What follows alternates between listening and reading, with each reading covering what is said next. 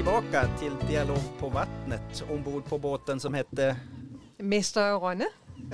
Vad bra, jag fick lite teaterhjälp där.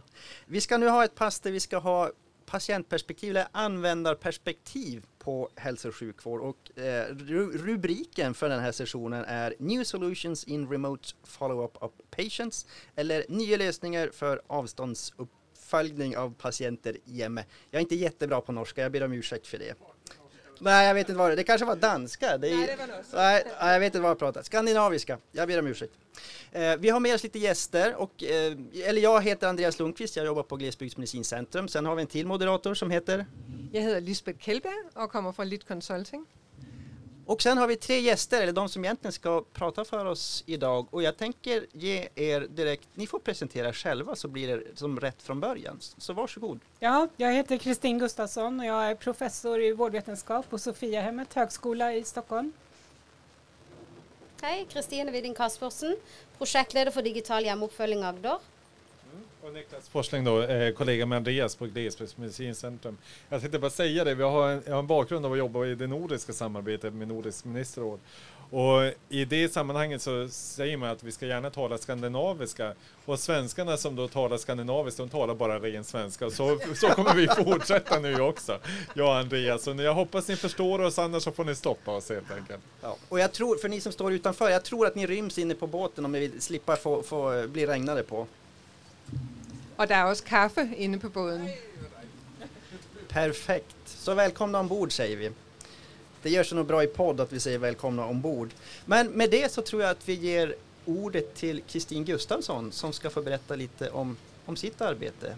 Ja, ehm, jag tänkte, jag har fått en kvart ungefär att inleda det här och jag tänkte börja med att prata lite om ett nordiskt eh, forskarnätverk med forskare som jobbar med forskning inom det här området med hälso och välfärdsteknik. Eh, jag tänkte lite kort berätta om en kommuninvånarundersökning i Eskilstuna kommun i Sverige. Och jag tänkte sammanfatta resultat från ett eh, projekt jag fick från ett tidigare arbete, vård och omsorg på distans. Det har gjort en enklare review, alltså en, en kunskapsöversikt om eh, nordisk forskning om effekter av välfärdsteknik för användarna. Då. Och då användarna i det här fallet är då patienten, brukaren, klienten, vad vi nu kallar den personen, men också anhöriga, närstående och personal, alltså de som ska ha värde och nytta av den här tekniken. Och så tänkte jag avsluta med några eh, korta reflektioner om det här. Det här nordiska forskarnätverket är då, eh, har ungefär två och ett halvt år på sin nacke.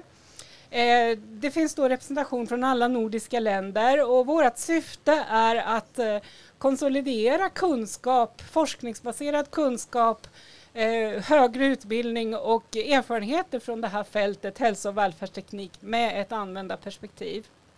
Eh, vi vill eh, bidra till utveckling av de nordiska ländernas digitala transformation. Och med det vill jag säga att tekniken i sig har inget värde utan det handlar om de problem eller de lösningar man ska bidra med. Eh, tekniken är bara ett redskap precis som många andra. Ehm, vi har stöd och samarbete med Nordens välfärdscentrum och det är vi väldigt glada för för det gör ju också då att vi får tillgång till politiken och, och kunna hjälpa till och bidra med det vi kan i sammanhanget. Vi har en medlemslista med 80 aktiva forskare och det känns väldigt bra i det här sammanhanget vilket gör att då vi kan göra uppdrag när det finns efterfrågan och behov av det här. Det finns en hemsida och nu var det ju tänkt då, vi trodde ju att vi skulle ha någon skärm här så jag tänkte dela eh, så här webb, bra webbadresser då men jag delar gärna dem i efterhand om det är någon som är intresserad. Um, Eskilstuna kommun, det är en mellanstor kommun i Sverige, ligger ungefär en timme väster om Stockholm. Uh, ungefär 100 000 invånare, kommuninvånare. I Sverige är det ungefär 10 miljoner invånare så det är ungefär 1 procent av Sveriges eh, befolkning som bor där. Hösten 2021 så genomförde vi en enkätundersökning för att undersöka kommuninvånarnas inställning till framtidens vård och omsorg. Och det var ungefär tusen personer som deltog i den här undersökningen. Det är då en procent av Eskilstunas befolkning, så vi kör den här 1 modellen här då. Eh, det var en ganska jämn fördelning med deltagare i tre grupper, 18 till 30, 31 till 64 och 65 och till upp till 85 år. Och syftet var då att få en bild av kommuninvånarnas tankar om framtidens vård och omsorg, den digitala transformationen och inställning till tekniska hjälpmedel och anhörigvård. Och det här är lite intressant i sig. När varje forskningsrapport eller rapport som presenteras så talar vi oftast om den demografiska utmaningen. Vi har en åldrande befolkning och vi har en eh, allvarlig brist på personal. Så att vad vi än gör så måste vi göra det på annat sätt för att klara av det här. Eh, man ser inte så mycket individerna i det här, invånarna, de som ska ta del av den här digitala transformationen. Men bara lite enkelt, och det är ganska talande siffror tror jag, och jag tror att de kan gälla i de flesta nordiska eller skandinaviska länderna, att visade då att 92 procent, och det är en ganska hög siffra, säger att det är väldigt viktigt att kunna klara sig själv när man blir äldre och kanske får en funktionsnedsättning. 92 procent, det är ju nästan allihopa i det här sammanhanget. Skulle man behöva hjälp så vill 67 procent i första hand få hjälp med hjälpmedel, med tekniska lösningar, än att behöva hjälp av någon annan. 63 procent vill helst bo kvar i sin egen bostad och få hjälp där och då i första hand av tekniska hjälpmedel. 89 procent tycker att det är bra att det skapas fler tekniska hjälpmedel. Och 62 procent tycker det är bra att allt mer kan göras digitalt eller med tekniska hjälpmedel. Så det är ju ett positivt resultat eh, i sig. Det är inte bara organisationer och samhället som trycker på den här utvecklingen utan invånarna vill det här också utifrån det här materialet. Och generellt så visar den här undersökningen att alla tre åldersgrupper är positiva till tekniska lösningar.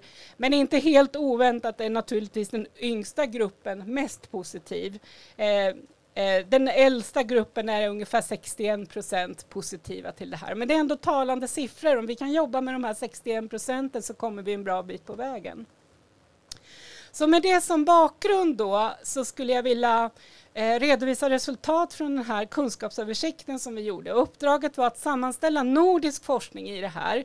Och det finns ju då ett värde av att eh, titta på nordisk forskning i det här sammanhanget. Eh, vi har liknande välfärdssystem i de nordiska länderna. Eh, till skillnad om vi jämför mot Europa eh, eller, eller, andra länder, vem det är som betalar för kalaset så att säga i, i det här.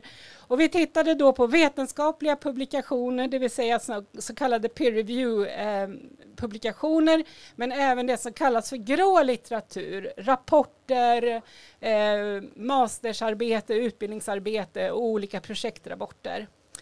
Och syftet var att undersöka nordisk forskning om effekter av välfärdsteknik i ett användarperspektiv. Och nu skulle jag då dela länken där ni kan få fatt i den här rapporten, då, men den kan vi ta i efterhand om någon är intresserad. Ehm, det finns ju lite svårigheter i det här. Begreppet välfärdsteknik är ju ett skandinaviskt, ett nordiskt begrepp som inte används generellt där. Ehm, utan jag tittade då utifrån funktioner som användes i det här VOPD-projektet. Distansbehandling, distansmonitorering, distansmöten och nya digitala tjänster. Ehm, i det här sammanhanget och förväntningarna och syften med välfärdsteknik. Men om man då tittar på den djungel av olika begrepp vi har att röra oss i här så är några exempel e-health, telemedicin, m-hälsa, telehälsa, eh, intelligent assistive, digital assistive, welfare technology, geron technology. Det finns en mängd här som man liksom får ta hänsyn till och när man söker i sammanhanget. Um, hade hjälp av en eh, bibliotekarie och rodda det här fältet. Eh, sökte i massa etablerade databaser. Totalt, eh, jag gjorde en avgränsning, det som hade producerats från 2010 fram till maj 2021 då förra året. Och då var det, fick vi ungefär 956 träffar, eller vi fick 956 träffar. Och det är lite för stort material för att jobba med. Så då avgränsade jag till att ha publikationer efter 2015 till 2021 och då fick jag ner det till 656 och så granskade de som hade välfärdsteknik eller någon av de här begreppen jag nämnde i titeln. Eh, och då var det nere i 85 och sen granskade jag sammanfattningar och då var jag nere i 40. Så det blev 40 valda publikationer i det här sammanhanget. Och de är publicerade 11 stycken i Danmark, 5 i Finland, eh, på Island, eh, 11 från Norge och 12 från Sverige. Jag begränsade mig till det som var skrivet på engelska och något av de skandinaviska språken eller danska. Jag har svårigheter där att läsa finska och isländska. Det är min begränsning eh, i det nordiska sammanhanget.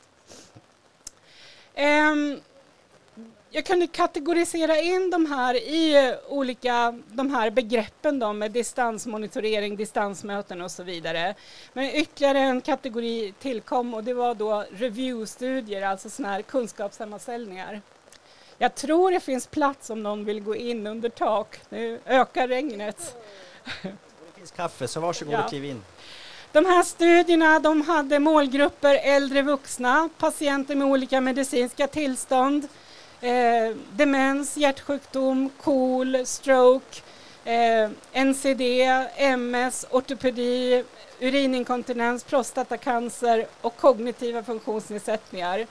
Det fanns även representation av anhörigas och personal, alltså vårdgivarnas perspektiv. Och sammanhangen det rörde sig om var egenvård, hemtjänst, hemsjukvård, demensvård, rehabilitering, psykisk hälsa och palliativ vård. Och sammanfattat, det som vi kunde se i de här publicerade studierna är då att vad det gäller distansmonitorering så visade resultaten att det gav användarna, alltså patienterna, bättre sömn, ökad känsla av trygghet och säkerhet, ökad självständighet, ökad aktivitet och livskvalitet. Om vi sätter ihop distansmonitorering och distansmöten och jämför det mot traditionell vård och omsorg så var det samma kvalitet. Det var ingen skillnad i hur man upplevde det här eh, stödet man fick. Det hade dessutom positiv inverkan på mental hälsa, ökad livskvalitet, inga signifikanta effekter på KOL-symptomen men likväl jämförbart om man får eh, monitorering eller mötena på sjukhuset. Eh, distansmonitorering, distansmöten och distansbehandling. Där var det positiv inverkan på arbetsflöden och organisationerna utifrån att man samarbetade bättre med att göra det här på distans. Eh, det var positiv inverkan på glesbygdsmedicin, det vill säga att man ökade tillgängligheten. Och där var det faktiskt minskade symptom eh, för de som lever med KOL, eh, kronisk obstruktiv lungsjukdom. Vad det gäller distansmonitorering och distansbehandling så var det en studie där om distansövervakning av hjärtsvikt och där visade det sig då när man tittade på kostnader att det var mycket mer kostnadseffektivt att göra det här på distans. Och det kan man ju gissa också om man tittar på det.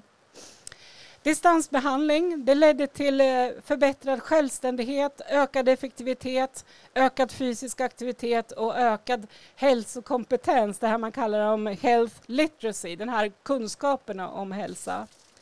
Vad det gäller distansmöten kostnadseffektivt i jämförelse med vanliga sjukhusbesök men ingen skillnad i patientrapporterad eh, tillfredsställelse eller nöjdhet eh, mellan standardvården eh, och videoassisterad. Och det är också intressant i sig att det blir inte sämre utan det håller samma kvalitet här. Och vad det gäller distansmöten och distansbehandling så var det förbättrad rehabilitering, telemedicinskt stöd, minskade postoperativa vistelsen, alltså tiden man behövde spendera på sjukhus, minskade postoperativa kostnader eh, och livskvalitet var, ingen, den var lika, det var ingen skillnad mellan de här. Eh, nya digitala lösningar, det handlade framför allt om användning av läsplattor inom demensvård och där kunde man visa på erfarenheten av förbättrad kommunikation med de som det gällde. Reviewstudierna visade då att eh, välfärdsteknik har möjlighet att förbättra egenvården, öka vårdkvaliteten och göra vården mer användarvänlig. Eh, den minskar också risken för felbehandlingar och ger bättre hälsokommunikation. Och, eh, men det finns också nackdelar som man visar på, alltså svårigheter, utmaningar.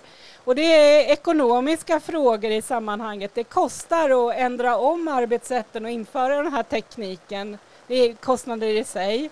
och svårigheter att anpassa till policy och eh, organisatoriska strukturer. Och man kände lite att man famlade i blindo, man saknade bristen på utvärderingar av effektivitet och vad det ska leda till för dem det gäller. Så några reflektioner i sammanhanget är att det finns en stor mängd forskning, nordisk forskning i det här sammanhanget och dess effekter. Och det produceras kontinuerligt mer och mer i den här stunden. När jag tittar på studierna så speglar det någonting som jag skulle vilja kalla eh, teknikoptimism i det här samtal, eh, sammanhanget. Det vill säga att de forskningspersoner som deltar, de som svarar på enkäter och utvärderar det här, de, är red, de väljer att vara med på det här, de vill vara med på det här. Och det gör ju då att det finns ju en bias om man vill uttala sig om vad befolkningen ser för effekter, utan det är ju effekter för de som liksom är lite med på tåget i, i sammanhanget. Eh, sen skulle jag också vilja fundera på det här det finns ju olika grader av evidens när man talar om forskning. Den största evidensen på forskningsstudier är ju sådana här randomiserade kontrollerade studier. Majoriteten av de här forskarna är mindre studier, kvalitativa studier. I det sammanhanget så skulle vi behöva öka takten och antalet deltagare i den här forskningen Eh, och mäta lite mer kvantitativt eh, effekterna av det här.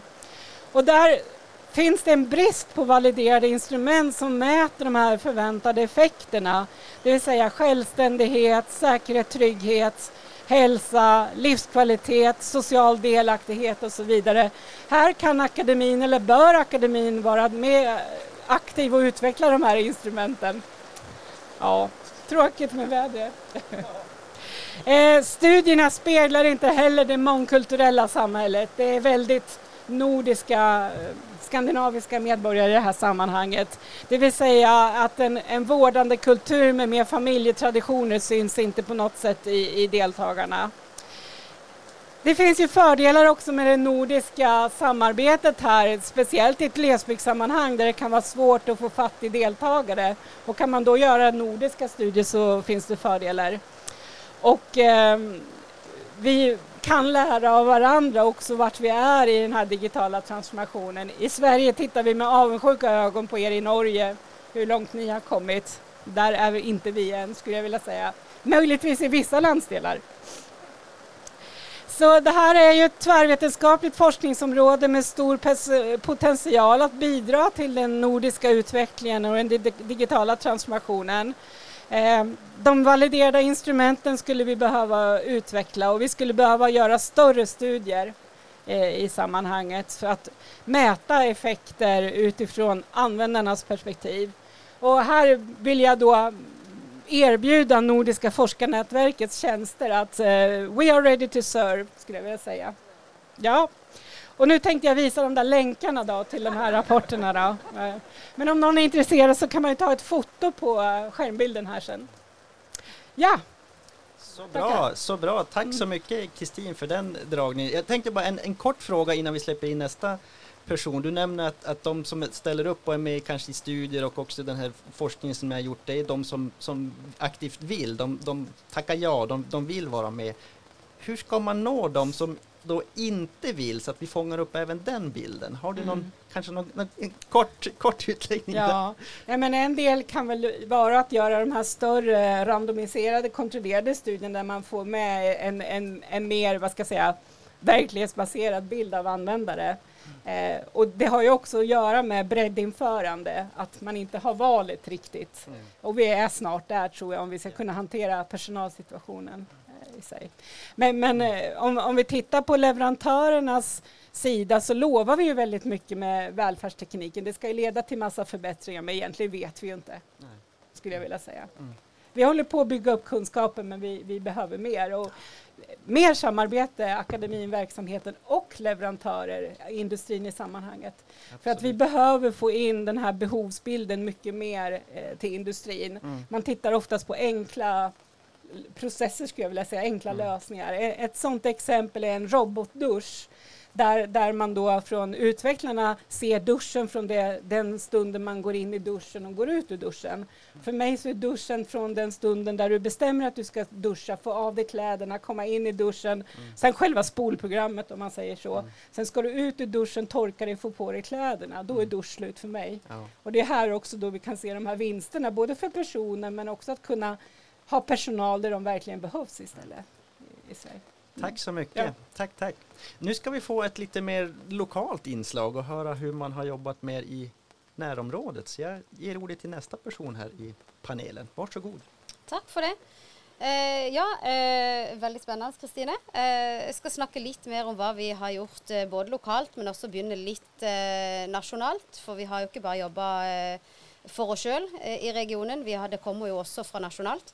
Eh, og så, sånn som Kristine sier, så har vi mange ulike eh, begrep, ulike navn. Og her har vi også vært innenfor både medisinsk avstandsoppfølging og telemedisin. og det er landa nå på digital hjemmeoppfølging. Eh, og det er jo en samlebetegnelse da på bruk av teknologiske løsninger, som gjør da at pasienten kan følges opp av helse- og omsorgstjenesten hjemme. Og pasienten gjør de avtalte målingene i egen stue og svarer på enkle spørsmål om helsetilstand via sin egen mobil eller et nettbrett.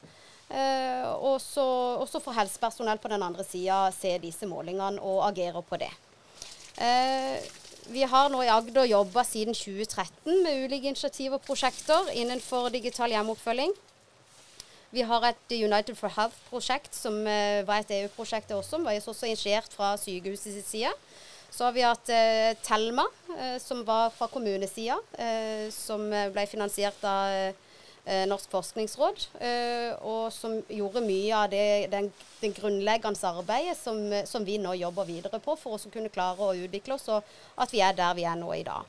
Så har vi hatt eh, flere runder hvor vi har vært eh, del av det nasjonale velferdsteknologiprogrammet, eh, som eh, jobbes ut fra Helsedirektoratet i regi av Helse- og omsorgsdepartementet.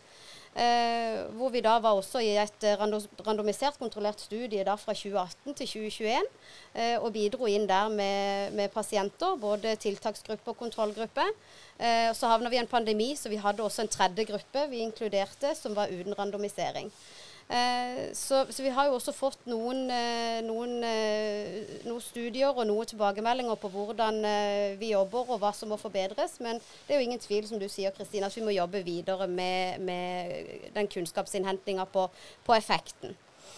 Når det gjelder eh, videre digital hjemmeoppfølging på, på Agder nå, så, så jobber jo vi med ulike oppfølgingsmodeller. For vi har da som sagt hatt muligheten til å jobbe med dette her i flere år.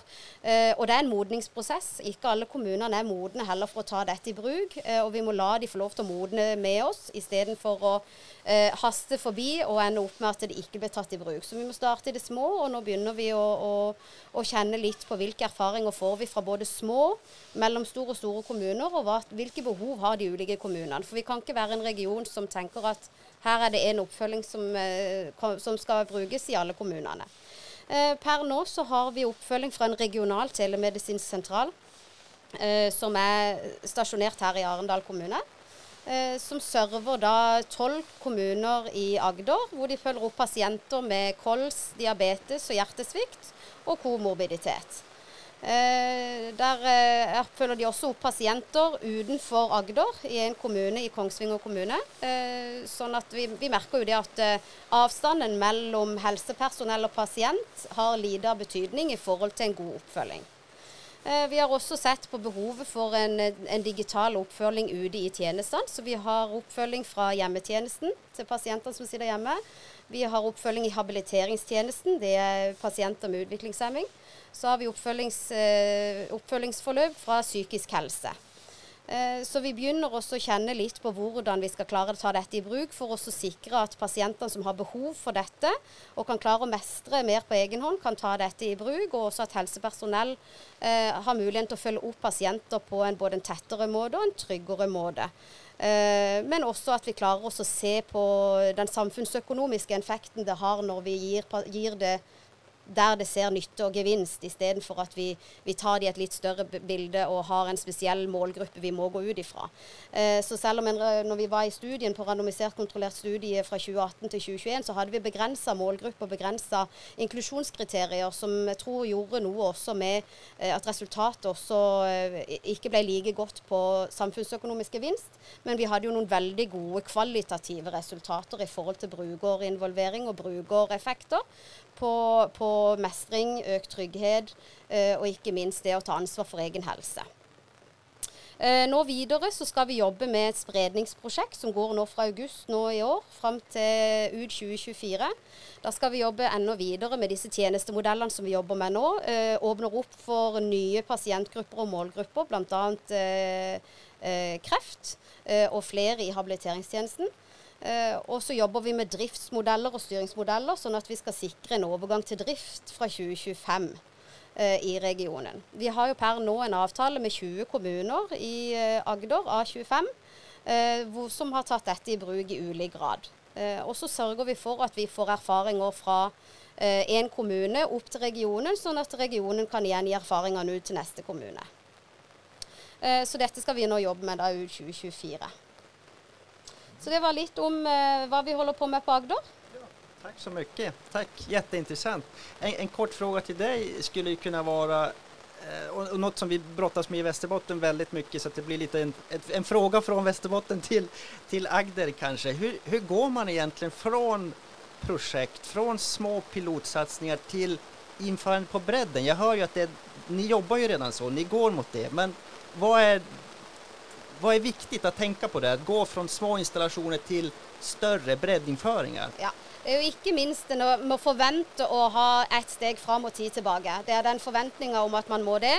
Eh, og forvente at man møter kommuner som velger å stikke hodet i sanda. Eller eh, som vil velge å sitte på gjerdet og vente. Og så har du de kommunene som velger å ta det steget fram.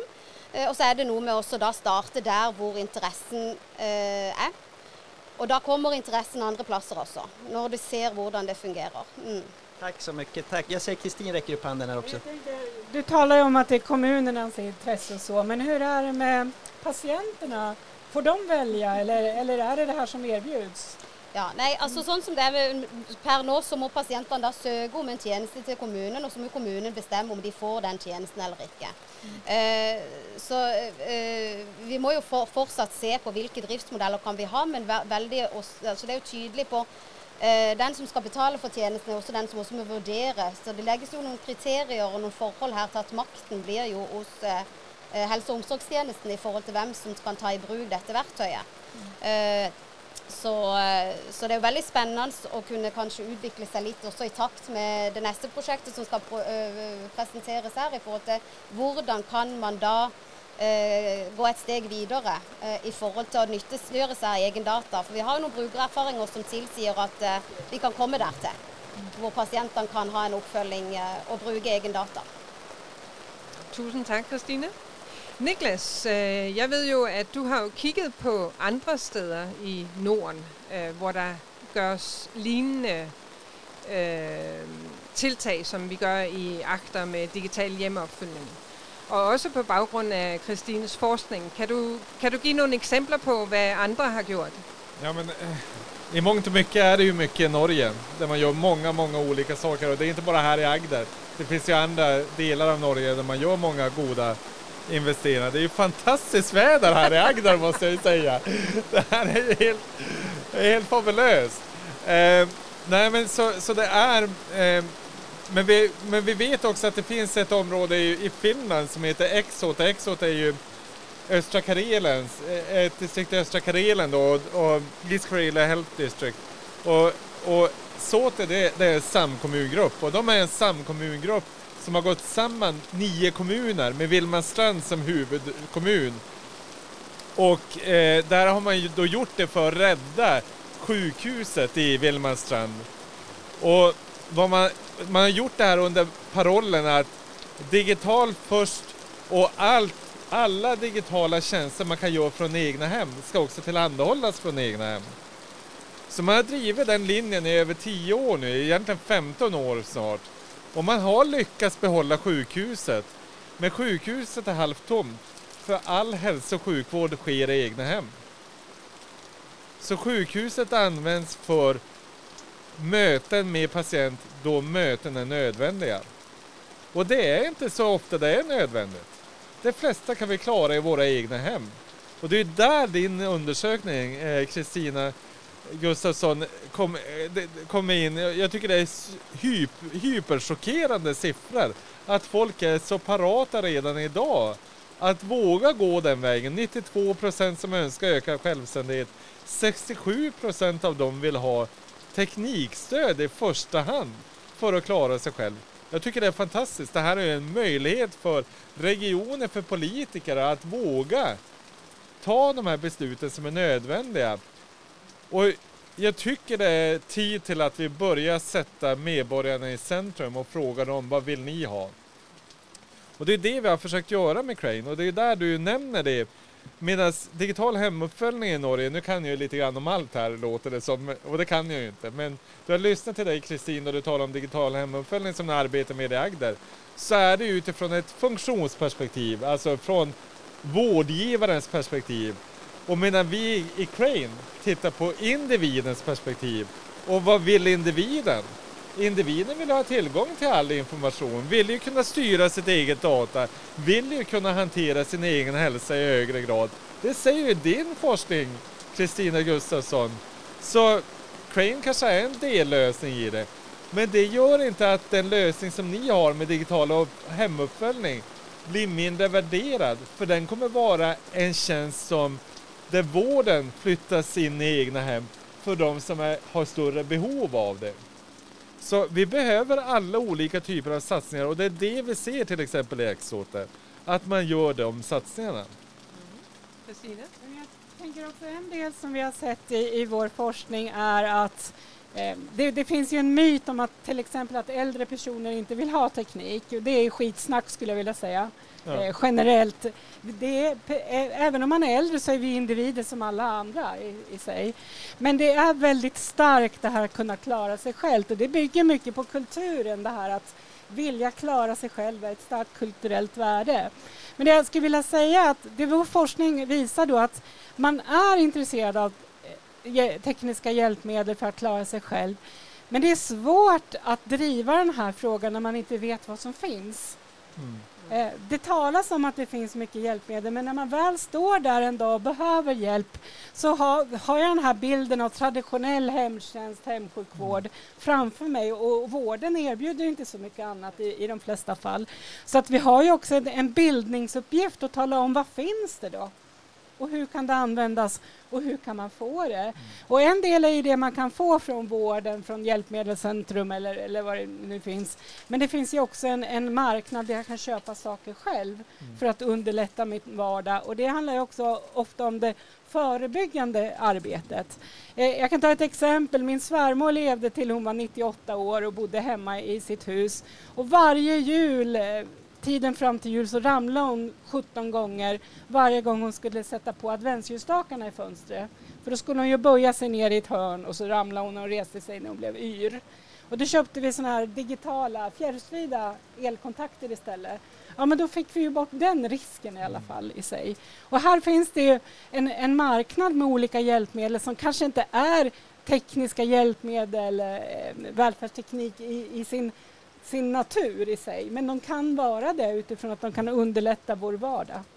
Ja, Niklas? Ja, jag tänkte bara säga, du nämner nu ordet välfärdsteknik igen. För er som känner han så är det ju faktiskt Klaus Nilsen som har myntat uttrycket välfärdsteknik och han arbetar med oss i Crane och är en av dem som har lagt en design som är för Crane. Eh, men jag tänkte också nämna det här, jag tycker det är viktigt att du säger att allting behöver inte vara välfärdsteknik som är hur ska säga, certifierat via hälso och sjukvården, socialomsorgen. Det som fungerar, det fungerar och det där är ett gott exempel.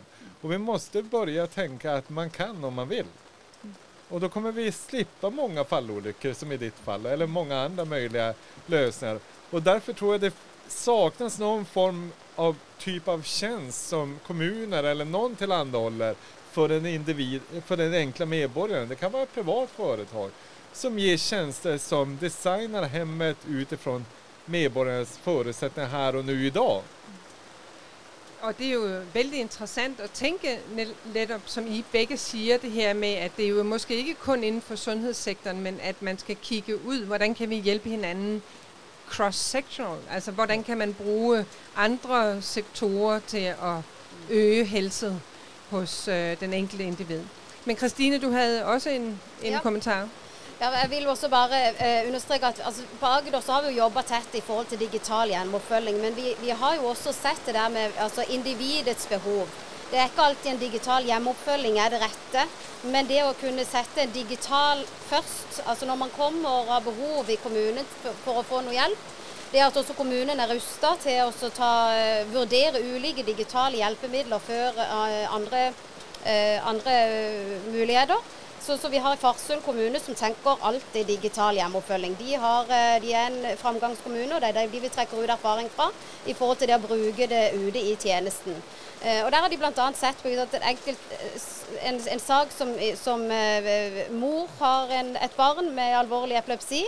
Eh, hadde behov for å tilbake igjen på jobb, ville ha hjemmes, hjemmesykepleie inn fire timer om dagen.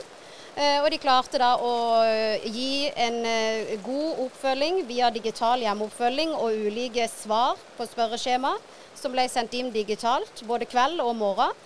Hvor det da ble kun telefontilsyn eller kameratilsyn og behov for å rykke ut om det så trengtes. Eh, trygghet for mor, trygghet for barn og trygghet for tjenesten rundt. Så det er noe med å kunne se utover den verktøykassa som vi egentlig har og kan rode i, hvis man velger å vil eh, fylle den verktøykassa med, med ulike digitale tjenester. Jeg tænker, Andreas, har du et spørgsmål, eller har du noget andet, eller skal vi begynde at runde af stille og roligt? Jag har en fråga, jag måste få återvända till som sagt, Västerbotten är ju en region i Sverige och, och eh, vi är inte lika långt framme som ni är här i Norge, det är helt uppenbart, och hur ni jobbar i, i Agder. Eh, men jag, jag, tänker till, till, till vår norska vän här, om man skulle skicka med något tips till små kommuner i Västerbottens inland. Börja här, gör så, tänk så här. Vad skulle du vilja skicka med för för tankar eller för råd till en liten kommun som kanske inte har de här så mycket egna resurser att, och kanske inte heller så mycket kunskap. Vi vet, som Kristin Gustafsson var inne på, att patienterna kanske inte vet, men jag tror att många gånger så vet inte heller kommunerna och, och vårdpersonalen vad som finns på marknaden. Det kan gälla hemtjänst, det kan gälla hemsjukvård, det kan gälla annat. Så vad skulle du vilja skicka med för, för tips till de här små kommunerna, om jag får ta Sverige-perspektivet? Ja. Hjälp oss, snälla! Nei, altså, altså, det, det, er vanskelig gi et tips, for det er noen utfordringer når man er en liten kommune. og det, Vi ser jo det at derfor er det større grunn for å tenke større. Det er større grunn for å samarbeide med kommuner rundt regioner. Og gjerne også et initiativ hvor man da har helsefellesskap eller man har sykehuset i samarbeidspartner med kommunen, sånn at man kan samhandle på en større, en større grad omkring pasientens helse, så det blir sømløse overganger. Eh, og at det blir også samarbeid mellom de ulike forvaltningsnivåene. Eh, og selv om en liten kommune kan ta noe enkelte ting i bruk, så krever det nok en samhandling med noen omkring. Og vi ser jo da fordelen med at vi har starta dette i regionen vår som et regionalt prosjekt, hvor vi da har muligheten til å tenke en sånn helhetlig tjenestemodell med disse store, tunge avtaler, personvern, eh, eh, informasjonssikkerhet som er regional eh, fokus. Og så har vi lokale tilpasninger eh, til de enkelte kommunene, sånn at de små kommunene også kommer med. Eh, men jeg tenker at kikk utenfor egen kommune er det noen jeg kan trekke litt erfaringer fra, eh, og eventuelt støtte seg til og samarbeide med. For det tror jeg vil være nyttig for alle kommunene.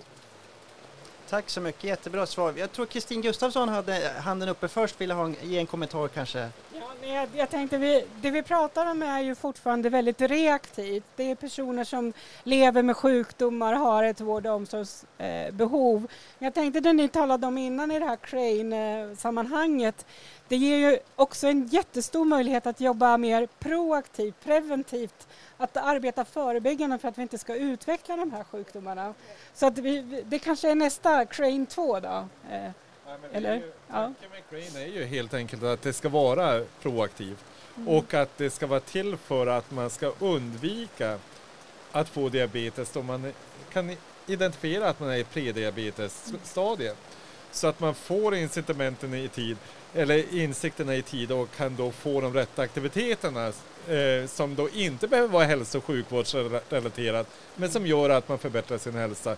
Och det var det jag tänkte säga om jag kommer tillbaka till den här historien jag berättade kort om i Exote. De har ju också en data lake, alltså de har också en datasjö där man jämför medborgarnas da hälsodata som de monitorerar nu i egna hem.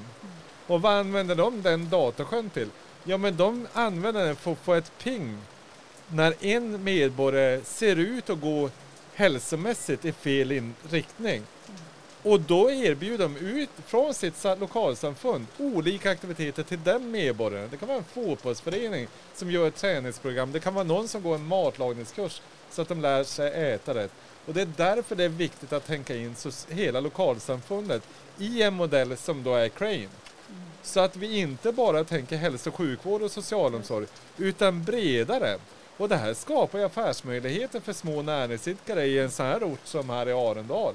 Men också i betydligt mer glesbefolkade områden. Så jag tror att, att det kommer gå åt det hållet och det kommer bli den, eh, den vägen som vi kommer gå. Jag skulle bara vilja ge ett lite bredare perspektiv på det här också. Nu har vi talat lite grann om medborgare och patienter. Och, och, det är ju, och, och, ni har ju då ett funktionsperspektiv från eh, digital hemuppföljning, kom från ett annat håll. Men vi ska veta att då vi, vi har ju då inom vård och omsorg på distans där du refererar till din, till din studie du hade gjort, som är en studie som har publicerat inom vård och omsorg på distans. Ehm, så har vi ju tittat på, men vad säger, vad säger de som arbetar inom vården och omsorgen? Men de är extremt positiva med att arbeta med teknik. Det är till och med så att medborgare eller personal som arbetar i transformerade organisationer kommer väldigt snabbt över den här eh, tröskeln så de vill inte gå tillbaka och arbeta med den gamla servicemodellen. Och då börjar de tänka, vad kan vara nästa steg i att, att digitalisera? Och det är också en sån här väg, Andreas, du ställer frågan, hur gör man för att få starten? Det gäller att hitta ett embryo. Då man har hittat det här embryot, då kan nästa steg komma. Och för folk börjar tänka digitalt. Vi har i Västerbotten har vi ett exempel med, som vi har gjort tillsammans med en av de digitala vårdgivarna som finns som heter Kry. Där vi rondar eh, särskilda boenden, alltså människor som är ganska, som inte kan klara sig själv hemma bor i särskilda boenden i Västerbotten. Och det här är en kommunal uppgift att ronda de här, men rondningen sker med läkaren och alla läkare i Sverige är anställda inom regionen. Så det är en samverkan mellan kommun och region där man rondar. Och det normala är att man går med en sjuksköterska och en läkare och besöker de här patienterna en gång i veckan och ser hur deras tillstånd är. Men vad man då har gjort i, i Västerbotten, där vi har sån läkarbrist och har så många hyrläkare, det är att vi har börjat titta på, kan vi göra det här ronden digitalt? Så vi går med en läkare, en iPad och eh, har sjuksköterskan som är kommunalt anställd med, eh, med digitalt. Men vad har hänt då? Ja, men vi får en kontinuitet i vården. Vi får samma läkare som ser samma person varje, varje gång det är besök. Medborgaren som får besök av läkaren upplever det här som jättebra. Personalen upplever det här som jättebra för att de är, vet att läkaren är informerad och kan den här patienten. Och vad händer då? Ja men då börjar det här få spridning till nästa kommun. Då säger nästa kommun, ja men vi vill också ronda på, på distans. Och, och, till nästa kommun, nästa kommun, så det går mellan verksamhetschef till verksamhetschef. Och helt plötsligt så börjar man tänka in andra tjänster.